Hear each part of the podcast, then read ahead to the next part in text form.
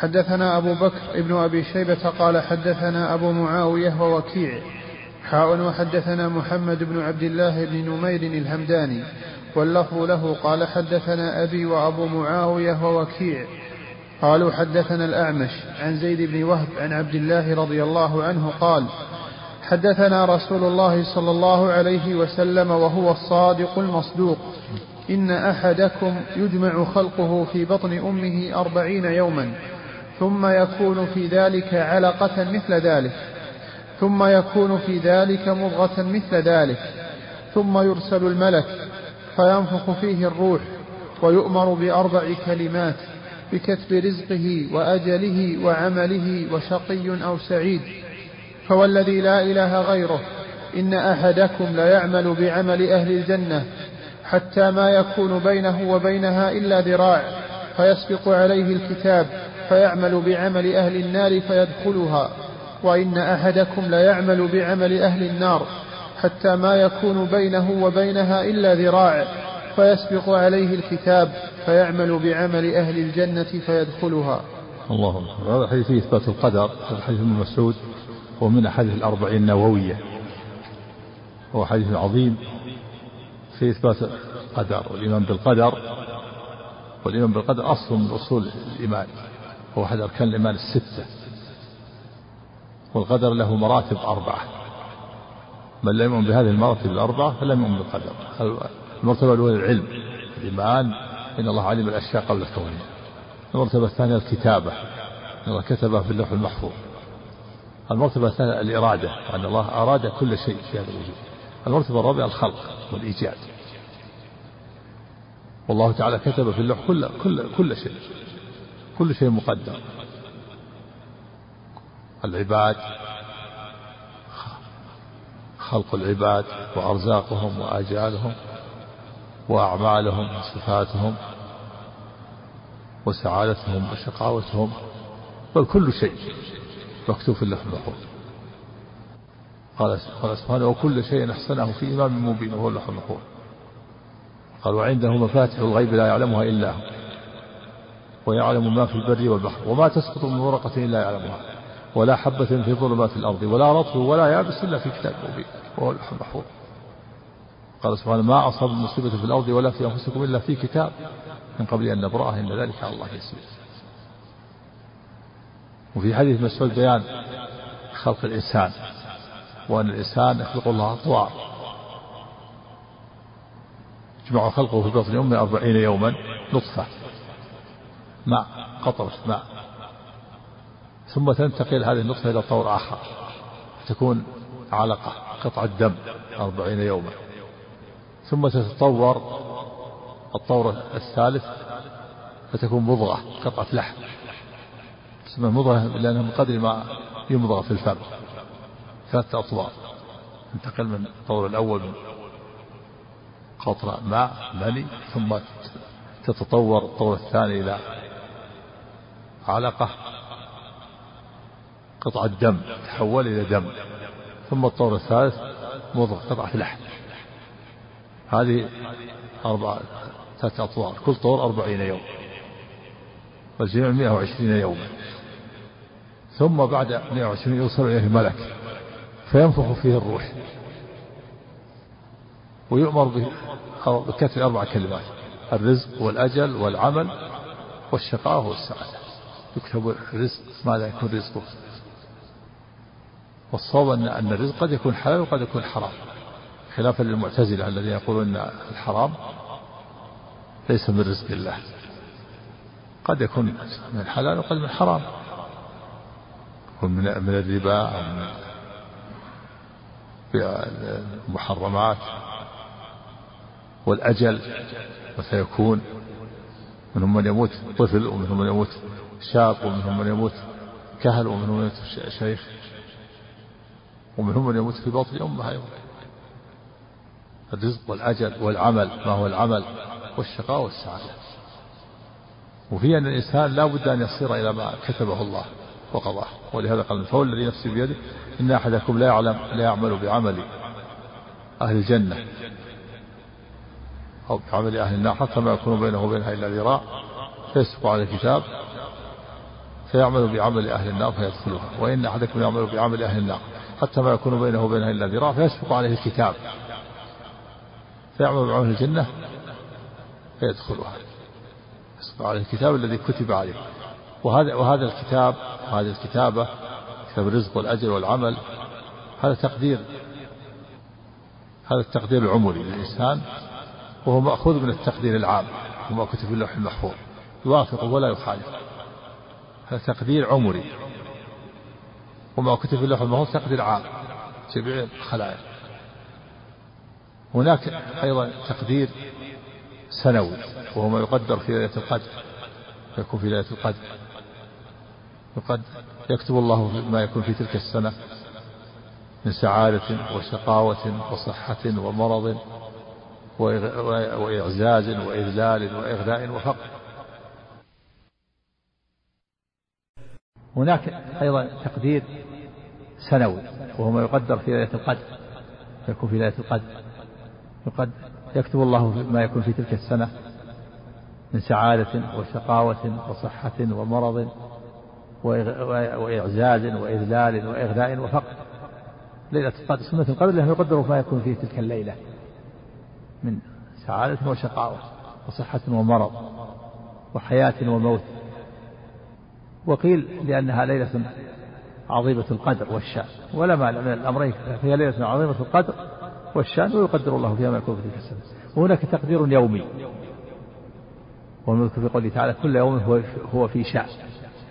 كل يوم هو في شأن يصح ويمرض ويفقر ويغني ويعز ويذل ويسعد ويشكر سبحانه وتعالى. نعم هذا التقدير التقدير العمري كتب يكتب على الإنسان في بطن وهو لا مأخوذ من التقدير العام يوافق التقدير العام نعم. الله عنك حدثنا عثمان بن أبي شيبة وإسحاق بن إبراهيم. كلاهما عن جرير بن عبد الحميد حاء وحدثنا إسحاق بن إبراهيم قال أخبرنا عيسى بن, عيسى بن يونس. حاء وحدثني أبو سعيد الأشج قال حدثنا وكيع حاء وحدثناه عبيد الله بن معاذ. قال حدثنا أبي قال حدثنا شعبة بن الحجاج كلهم عن الأعمش بهذا الإسناد. قال في حديث وكيع إن خلق أحدكم يجمع في بطن أمه أربعين ليلة. وقال في حديث معاذ عن شعبة أربعين ليلة أربعين يوما. وأما في حديث جرير وعيسى أربعين يوما. حدثنا محمد بن عبد الله بن نمير وزهير بن حرب واللفظ لابن نمير. قال حدثنا سفيان بن عيينة عن عمرو بن دينار عن أبي الطفيل عن حذيفة بن أسيد عن حذيفة بن أسيد يبلغ به النبي صلى الله عليه وسلم قال يدخل الملك على النطفة بعدما تستقر في الرحم بأربعين أو خمسة وأربعين ليلة. فيقول يا ربي أشقي أو سعيد؟ فيكتبان. فيقول أي ربي أذكر أو أنثى؟ فيكتبان. ويكتب عمله وأثره وأجله ورزقه ثم تطوى الصحف فلا يزاد فيها ولا ينقص. عمله وأثره كذا؟ نعم, نعم. ويكتب عمله وأثره وأجله نعم. ورزقه. نعم. ثم تطوى الصحف فلا يزاد فيها ولا ينقص. إنا نحن نحيي الموتى ونكتب ما قدموا وآثارهم. نعم. حدثني أبو الطاهر أحمد بن عمرو بن سرح قال أخبرنا ابن وهب قال أخبرني عمرو بن الحارث عن أبي الزبير المكي أن عامر بن واثلة حدثه أنه سمع عبد الله بن مسعود رضي الله عنه يقول الشقي من شقي في بطن أمه والسعيد من وعظ بغيره فأتى رجلا من أصحاب رسول الله صلى الله عليه وسلم يقال له حذيفة بن أسيد الغفاري رضي الله عنه. فحدثه بذلك من قول ابن مسعود فقال وكيف يشقى رجل بغير عمل؟ فقال له الرجل أتعجب من ذلك؟ فإني سمعت رسول الله صلى الله عليه وسلم يقول إذا مر بالنطفة اثنتان إذا مر بالنطفة ثنتان وأربعون ليلة بعث الله إليها ملكا فصورها وخلق سمعها وبصرها وجلدها ولحمها وعظامها ثم قال يا ربي أذكر أم أنثى؟ فيقضي ربك ما شاء ويكتب الملك. ثم يقول يا ربي أجله؟ فيقول ربك ما شاء ويكتب الملك. ثم يقول يا ربي رزقه؟ فيقضي ربك ما شاء ويكتب الملك. ثم يخرج الملك بالصحيفة في يده فلا يزيد على ما أمر ولا ولا ينقص. الله الشقي من شغل والسعيد من من اتعظ بغيره. نعم. والشقي من اتعظ به غيره. نعم. نعم. العمل. الأثر والعمل بمعنى واحد. مثل أثر الخطى الآن. أثرك لما تمشي. هذا الأثر. نعم. تكلم عليه الأثر. ها؟ شوف الأبي الأثر في القاموس نعم الكتاب الذي كتب عليه. يسبق القدر يعني. ما قضي عليه. ما قدر. فيه الإيمان بالقدر. وجوب الإيمان بالقدر. من لم يؤمن بالقدر فليس بمؤمن. لا بد من الإيمان بالقدر. خيره وشره. لا بد أن يعلم الإنسان يؤمن. بأن ما أصاب من كل يخطئ وما أخطأ كل يصيبه طيب. في حديث ابن مسعود أن كتب الرزق ومجيء الملك بعد بعد أربعة أشهر بعد 120 يوم. وفي هذا الحديث أنه يأتي الملك بعد أربعين يوما وبعضها بعد اثنتين وأربعين يوما وبعضها بعد خمس وأربعين يوما. فكيف الجمع بينها؟ حديث ابن مسعود أربعين وأربعين وأربعين. ثم يأتي الملك وينفخ فيه الروح. وفي بعض هنا الحديث أنه قال يتصور الملك بعد ثنتان بعد اثنتين وأربعين يوما. بعضها بعد خمس وأربعين. ويحتمل الله أعلم أن يقال إن إن بعض النطف يأتيها الملك بعد أربعين وبعضها بعد اثنتين وأربعين وبعضها بعد خمس وأربعين وبعضها بعد عشر. أن هذا يختلف. ويحتمل أن هذا التصوير وأنه والتخليق تصوير وتخليق خاص يأتي بعده تخليق تصوير آخر بعد أربعة أشهر. من حديث مسعود وحديث صحيح متفق عليه. وهو الموافق للقرآن الكريم. قال الله تعالى ولقد خلق الإنسان في سورة المؤمن ولقد خلق الإنسان من سلالة من طين ثم جعلناه نطفة في قرار مكين ثم خلق النطفة علقة فخلق فخلق العلقة مضغة فخلقنا المضغة عظاما فكسونا العظام العظام لحما ثم أنشأناه خلقا آخر. فتبارك الله أحسن الخير. أحسن الخالقين. القرآن الحديث موافق القرآن وهو أن التخليق يكون بعد أربعة أشهر. نفخ الروح والتخليق يكون بعد أربعة أشهر بعد 120 يوما. وهذا هو الذي يدل عليه الآن الواقع في ما تسقطه النساء. بعض النساء تسقط بعض الحمل شهرين ثلاثة ولا يخلق يكون قطعة لحم ما في تخليق بعد شهر شهرين. ثلاثة إنما التخليق يكون بعد أربعة أشهر. وهذا هو الموافق للقرآن. وأما الحديث أنه يأتي يتصوره الملك يقول يا ربي يا ذكر الأنثى فيكتب ويخلق جلدها وعظمها بعد أربعين وفي بعضها بعد اثنتين وأربعين بعضها بعد خمسة وأربعين. يحتمل والله أعلم أن هذا أن تصوير وتخليق أولي يأتي بعده تصوير خلق آخر والله أعلم. نعم. أحسن الله إليك. حدثنا أحمد بن عثمان النوفلي قال أخبرنا أبو عاصم قال حدثنا ابن جريج قال أخبرني أبو الزبير أن أبا الطفيل أخبره أنه سمع عبد الله بن مسعود رضي الله عنه يقول وساق الحديث بمثل حديث عمرو بن الحارث. حدثني محمد بن أحمد ابن أبي خلف قال حدثنا يحيى بن أبي بكير قال حدثنا زهير وأبو خيثمة. قال حدثني عبد الله بن عطاء أن عكرمة ابن خالد حدثه. أن أبا الطفيل حدثه قال دخلت على أبي سريحة حذيفة ابن أسيد الغفاري رضي الله عنه فقال سمعت رسول الله صلى الله عليه وسلم بأذني هاتين يقول إن النطفة تقع في الرحم أربعين ليلة ثم يتصور عليها الملك. قال زهير حسبته قال الذي يخلقها. فيقول يا ربي أذكر أو أنثى؟ فيجعله الله ذكرا أو أنثى. ثم يقول يا ربي أسوي أو غير سوي؟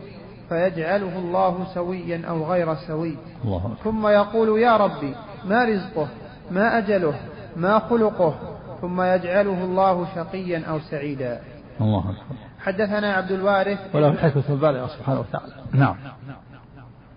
حدثنا عبد الوارث. والقدر سر الله في خلقه كما قال القدر سر الله في خلقه. رواه الله عن أنامه. عن عن الأنام. ولا يكشف لهم شيئا من مرامه. ولا يعترض على الله ولا يسأل عما يفعل. فمن سأل لما فعل فقد رد حكم الكتاب. ومن رد حكم الكتاب كان من الكافرين. كان الطحاوي. نعم. حدثنا عبد الوارث بن عبد الصمد. قال حدثني أبي قال حدثنا ربيعة ابن كلثوم قال حدثني أبي كلثوم. عن أبي الطفيل عن حذيفة بن أسيد الغفاري رضي الله عنه صاحب رسول الله صلى الله عليه وسلم. اللهم رفع الحديث إلى رسول الله صلى الله عليه وسلم اللهم أن ملكا موكلا بالرحم. إذا أراد الله أن يخلق شيئا بإذن الله لبضع وأربعين ليلة ثم ذكر نحو حديثه. هذا في بضع والبضع من ثلاثة إلى تسعة. نعم. حدثني أبو كامل فضيل بن حسين الجحدري قال حدثنا حماد بن زيد قال حدثنا عبيد الله بن أبي بكر عن أنس بن مالك رضي الله عنه ورفع الحديث أنه قال إن الله عز وجل قد وكل بالرحم ملكا فيقول أي ربي نطفة أي ربي علقة أي ربي مضغة. فإذا أراد الله أن يقضي خلقا قال قال فإذا أراد الله أن يقضي خلقا قال قال الملك أي ربي ذكر أو أنثى شقي أو سعيد فما الرزق فما الأجل فيكتب كذلك في بطن أمه. حدثنا عثمان بن أبي شيبة وزهير بن حرب وإسحاق بن إبراهيم واللفظ لزهير. قال إسحاق أخبرنا وقال الآخران حدثنا جرير عن منصور عن سعد بن عبيدة عن أبي عبد الرحمن عن علي رضي الله عنه قال كنا في جنازة في بقيع الغرقد فأتانا رسول الله صلى الله عليه وسلم. فقعد وقعدنا حوله ومعه مخصرة فنكس فجعل ينكث بمخصرته ثم قال ما منكم من أحد ما من نفس منفوسة إلا وقد كتب الله مكانها من الجنة والنار وإلا وقد كتبت شقية أو سعيدة قال فقال رجل يا رسول الله أفلا نمكث على كتابنا وندع العمل فقال من كان من أهل السعادة فسيصير إلى عمل أهل السعادة ومن كان من أهل الشقاوة فسيصير إلى عمل أهل الشقاوة. فقال اعملوا فكل ميسر أما أهل السعادة فييسرون لعمل أهل السعادة وأما أهل الشقاوة فييسرون لعمل أهل الشقاوة. ثم قرأ فأما من أعطى واتقى وصدق بالحسنى فسنيسره لليسرى. وأما من بخل واستغنى وكذب بالحسنى فسنيسره للعسرى. وهذا يدل على أن الإشكال قديم في الصدر الأول. استشكل. قالوا يا رسول الله ما دام كل شيء مكتوب العمل مكتوب فلماذا نعمل؟ أفلا نتكل على كتابنا وندع العمل؟ إشكال قديم. لكن النبي حسم هذا الإشكال وأمر بالعمل. قال اعملوا فكل ميسر لما خلق له. كل يسره الله لما خلق الله له أهل السعادة يسرهم الله لأهل السعادة. وأهل الشقاوة يسره لعمل الشقاوة. ثم قرأ الآية. فأما من أعطى واتقى وصدق بالحسنى فسنيسره اليسرى وأما من بخل واستغنى وكذب بالحسنى فسنيسره اليسرى وأيضا أنت ما تدري ما ما ماذا كتب.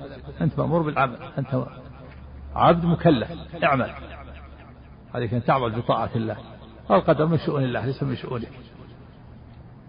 وفيه كان معه حدث الناس لما عند القبر. فيه دليل على أنه ينبغي للإنسان أن ينتهز الفرصة ويحدث الناس عند القبر لأن الموعظة لها تأثير لأن القلوب خاشعة وتتذكر الموت. فالموعظة لها, لها تأثير في القلوب في ذلك الوقت وفي ذلك المكان. ولهذا كان حدثهم النبي صلى الله عليه وسلم بوب البخاري رحمه الله في صحيح باب موعظة المحدث عند القبر. إذا وعظ الناس بكلمات معدودة مثل ما وعظ النبي وسلم الناس هذا طيب. ولكن خطبة طويلة كلمات معدودة. مثل ما قال النبي ما من نفس منفوسة إلا وقد كتب مكانه من الجنة ومن النار. ومعه مخصرة يعني عصا صغيرة ينكت بها الأرض. لأن لأنه يتأمل. تأمله وتذكر الآخرة فهو ينكت بهذه المخصرة العصا الصغيرة ينكت بها الأرض. كذا. بسبب تأمله وتذكره الآخرة وهو يقول ما من نفس نفوسها إلا وقد فيه مكانه في الجنة وفي النار. فيعظ الناس في هذا الوقت الذي القلوب خاشعة. وتتذكر الآخرة وهم حول القبر ويرون الميت ويشاهدون القبور. فجعل يذكرهم عليه الصلاة والسلام. وهذا فعل الإنسان المتذكر اللي يقصد مغفرته كذا ينكت بها الأرض بسبب تذكره وتأمله واهتمامه. نعم. حدثنا أبو بكر ابن أبي شيبة وهناد بن السري قال حدثنا أبو الأحوص عن منصور بهذا الإسناد في معناه. وقال فأخذ عودا ولم يقل مخصرة. وقال ابن أبي شيبة في حديثه عن, عن أبي الأحوص ثم قرأ رسول الله صلى الله عليه وسلم. اللهم حدثنا أبو بكر ابن أبي شيبة وزهير بن حرب وأبو سعيد الأشج. قالوا حدثنا وكيع حاء وحدثنا ابن نمير. قال حدثنا أبي قال حدثنا الأعمش. حاء وحدثنا أبو كريب واللفظ له. قال حدثنا أبو معاوية. قال حدثنا الأعمش عن سعد بن عبيدة. عن أبي عبد الرحمن السلمي عن علي رضي الله عنه قال كان رسول الله صلى الله عليه وسلم ذات يوم جالسا وفي يده عود ينكت به. فرفع رأسه فقال ما منكم من نفس إلا وقد علم منزلها من الجنة والنار. قال يا رسول الله. قالوا يا رسول الله فلم نعمل؟ أفلا نتكل؟ قال لا اعملوا فكل ميسر لما خلق له. ثم قرأ فأما من أعطى واتقى وصدق بالحسنى إلى قوله فسنيسره للعسرى. حدثنا محمد بن المثنى وابن بشار قال حدثنا محمد بن جعفر قال حدثنا شعبة عن منصور والأعمش أنهما سمعا سعد بن عبيدة يحدثه عن أبي عبد الرحمن السلمي عن علي رضي الله عنه عن النبي صلى الله عليه وسلم بنحوه. حدثنا أحمد بن يونس قال حدثنا زهير قال حدثنا أبو الزبير حاء وحدثنا يحيى بن يحيى قال أخبرنا أبو خيثمة عن أبي الزبير عن جابر رضي الله عنه قال جاء سراقة بن مالك بن جعشم قال يا رسول الله بين لنا ديننا كأنا خلقنا الآن. فيما العمل اليوم؟ أفيما, أفيما جفت به الأقلام وجرت به المقادير. أم فيما نستقبل؟ قال لا بل فيما جفت به الأقلام وجرت به المقادير. قال ففيما العمل؟ قال زهير. ثم تكلم أبو الزبير بشيء لم أفهمه فسألت ما قال فقالوا اعملوا فكل ميسر. فقال الله عنك فسألت ما قال فقال اعملوا فكل ميسر. نعم. جفت به المقادير يعني شيء كتب. يعني كتب في اللوح المحفوظ. في شيء مقدر مفروغ منه. نعم. حدثني أبو الطاهر قال أخبرني ابن وهب قال أخبرني عمرو بن الحارث عن أبي الزبير عن جابر بن عبد الله رضي الله عنهما عن النبي صلى الله عليه وسلم بهذا المعنى. وفيه فقال رسول الله صلى الله عليه وسلم كل عامل ميس كل عامل ميسر لعمله. حدثنا يحيى بن يحيى قال أخبرنا حماد بن زيد عن يزيد الضبعي. قال حدثنا مطرف عن عمران بن حسين. قال قيل يا رسول الله أعلم أهل الجنة من أهل النار؟ قال فقال نعم. قال قيل ففيما يعمل العاملون؟ قال كل ميسر لما خلق له. حدثنا شيبان بن فروخ. قال حدثنا عبد الوارث. حاء وحدثنا أبو بكر ابن أبي شيبة وزهير بن حرب وإسحاق بن إبراهيم وابن نمير عن ابن علية. حاء وحدثنا يحيى بن يحيى. قال أخبرنا جعفر بن سليمان. حاء وحدثنا ابن المثنى. قال حدثنا محمد بن جعفر. قال حدثنا شعبة. كلهم عن يزيد الرشك في هذا الإسناد بمعنى حديث حماد. وفي حديث عبد الوارث قال قلت يا رسول الله. حدثنا إسحاق بن إبراهيم الحنظلي قال حدثنا عثمان بن عمر قال حدثنا عزرة بن ثابت عن يحيى بن عقيل عن يحيى بن عقيل عن يحيى بن يعم عن يحيى بن يعمر عن أبي الأسود الديلي قال قال لي عمران الديلي والدؤلي فيها الوجهات قال الدؤلي وقال الديلي نعم. عفى الله عنكم. عن أبي الأسود الديلي قال قيل لي قال قال لي عمران بن الحصين رضي الله عنه أرأيت ما يعمل الناس اليوم ويكدحون فيه؟ أشيء قضي عليهم ومضى عليهم من قدر ما سبق أو فيما, يستق أو فيما يستقبلون به مما أتاهم به نبيهم وثبتت الحجة عليهم. فقلت بل شيء قضي عليهم ومضى عليهم. قال فقال أفلا يكون ظلما؟ قال ففزعت من ذلك فزعا شديدا وقلت كل شيء خلق الله وملك يده فلا يسأل عما يفعل وهم يسألون. فقال لي يرحمك الله إني لم أرد بما سألتك إلا لأهزر عقلك. إن رجلين كذا الله عنك. نعم. إني لم أرد بما سألتك إلا لأحزر عقلك. أو أحزر. لأحزر وش قال عليه؟ لأحزر عقلك قال أي لأمتحن عقل لم يشكل عمران بن حسين اللي قال. نعم الله عنك يعني ليختبر ليختبر يعني فهمك وديانتك نعم وش قال عليه؟ قول قول ليحزر عقله. أي لأقدر عقلك فأعرف كم عندك من عقل وفهم ومعنى ربط أحزر عنك وفي المصباح حزرت الشيء حزرا من باب ضرب وقتل قدرته ومنه حزر من باب ضرب وقتل ضرب يضرب قتل يقتل أحزر وأحزر فيها الوجهات أحزر وأحزر ضرب يضرب حزر يحزر باب قتل يقتل. نعم. في أحزر وأحزر نعم. أيوه. باقي في إيش بعده؟ قدرت خلصت وقدرت. نعم. فقال لي يرحمك الله إني لم أرد بما سألتك إلا لأحزر عقلك. إن رجلين من مزينة أتيا رسول الله صلى الله عليه وسلم؟ فقالا يا رسول الله أرأيت ما يعمل الناس اليوم ويكدحون فيه؟ أشيء قضي عليهم ومضى فيهم من قدر قد سبق؟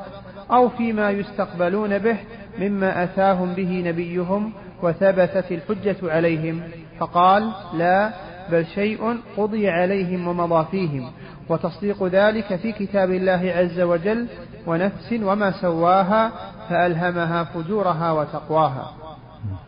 حدثنا قتيبة بن سعيد قال حدثنا عبد العزيز يعني ابن محمد عن العلاء عن أبيه عن أبي هريرة رضي الله عنه أن رسول الله صلى الله عليه وسلم قال إن الرجل لا يعمل الزمن الطويل بعمل أهل الجنة ثم يختم له عمله بعمل أهل النار.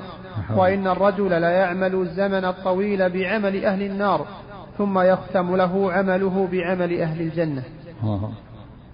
مثل حديث ابن مسعود. هذا نعم. حدثنا قتيبة بن سعيد قال حدثنا يعقوب يعني ابن عبد يعني ابن عبد الرحمن القاري عن أبي حازم عن سهل بن سعد الساعدي أن رسول الله صلى الله عليه وسلم قال إن الرجل لا يعمل عمل أهل الجنة فيما يبدو للناس وهو من أهل النار وإن الرجل لا يعمل عمل أهل النار فيما يبدو للناس وهو من أهل الجنة. حدثني محمد بن حاتم وإبراهيم بن دينار وابن أبي عمر المكي وأحمد بن عبدة الضبي جميعا عن ابن عيينة واللفظ لابن حاتم وابن دينار. قال حدثنا سفيان ابن عيينة عن عمرو عن طاووس قال سمعت أبا هريرة رضي الله عنه يقول قال رسول الله صلى الله عليه وسلم احتج آدم وموسى. قف على احتجاج آدم وموسى إن شاء الله يوم الأحد بمشيئة الله يوم 17 أعد الحديث اللي قبل حديث آدم. قال حدثنا قتيبة بن سعيد قال حدثنا يعقوب يعني ابن عبد الرحمن القاري عن أبي حازم عن سهل بن سعد الساعدي رضي الله عنه أن رسول الله صلى الله عليه وسلم قال إن الرجل لا يعمل عمل أهل الجنة فيما يبدو للناس وهو من أهل النار وإن الرجل لا يعمل عمل أهل النار فيما يبدو للناس وهو من أهل الجنة. نعم هذا الحديث آه، اختلف العلماء في الجمع بينه وبين الحديث السابق. حديث وهو حديث عبد الله بن مسعود. وفيه فهو الذي نفسي بيده فوالله الذي لا إله غيره. إن أحدكم يعمل بعمل أهل الجنة حتى ما يكون بينه وبينها إلا ذراع فيسبق على الكتاب فيعمل بعمل أهل النار فيدخلها. وإن الرجل يعمل وإن الرجل يعمل بعمل أهل النار حتى ما يكون بينه وبينها إلا ذراع فيسبق على الكتاب فيعمل بعمل أهل الجنة فيدخلها. وهذا الحديث حديث من؟ حديث من هنا؟ عن الصحابي؟ سهل بن سعد. حديث سهل بن سعد. إن الرجل يعمل بعمل أهل الجنة فيما يبدو للناس وهو من أهل النار. من العلماء من حمل حديث ابن مسعود على هذا الحديث. وقال إن الرجل يعمل بعمل أهل الجنة حتى ما يكون بينه وبينها إلا ذراع هذا هو الذي يبدو للناس. يعمل بعمل أهل الجنة فيما يبدو للناس. حتى ما يكون بينه وبينها إلا ذراع فيسبق هذا الكتاب فيعمل بعمل النار. يكون مقيد. حديث مسعود مقيد بهذا الحديث. إن الرجل يعمل بعمل أهل الجنة حتى ما يكون بينه وبينها إلا ذراع يعني فيما يبدو للناس. فيكون منافق. عند الموت ظهر نفاقه. فيكون عند الموت ظهر نفاقه فختم له فظهر نفاقه فمات على ظهر النفاق فمات على الشرك. فهو منافق لكنه يظهر الإسلام في الأول. وعند الموت ظهر نفاقه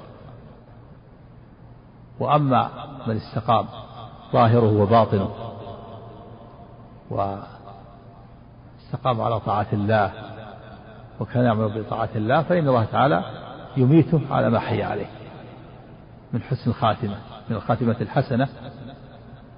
هذا هذه هي عادته سبحانه وتعالى. فعادته سبحانه وتعالى أن من وحد الله وأخلص له العبادة وصلح باطنه وظاهره فإن الله يميت على ما على ما حي عليه من الخاتمة الحسنة. فيكون قوله إن أحدكم يعمل بعمل أهل الجنة حتى ما يكون بينه وبين الأذراع هو هو نفس الحديث مقيد بالحديث السابق فيما يبدو للناس. نعم يعمل بعمل أهل الجنة فيما يبدو للناس. وعند الموت حتى ما يكون بينه وبينها إلا ذراع يظهر نفاقه. فيموت على الكفر. وأما, وأما الذي بعده وإن أحدكم ليعمل بعمل أهل النار. فيما يبدو للناس وإنه من الجنة هذا مؤمن لكنه أخفى إيمانه لأسباب. يعمل بعمل أهل النار فيما يبدو للناس وهو من الجنة. يكون هذا حسن السريرة سريرته حسنة. ولكنه أظهر خلاف ذلك لأسباب قد يكون عاش بين الأشرار ولا يستطيع أن يظهر دينه. هذا الرجل سريرته حسنة. ولكن أظهر خلاف سريرته لأسباب يقتضي ذلك. إما لكونه يعيش بين الأشرار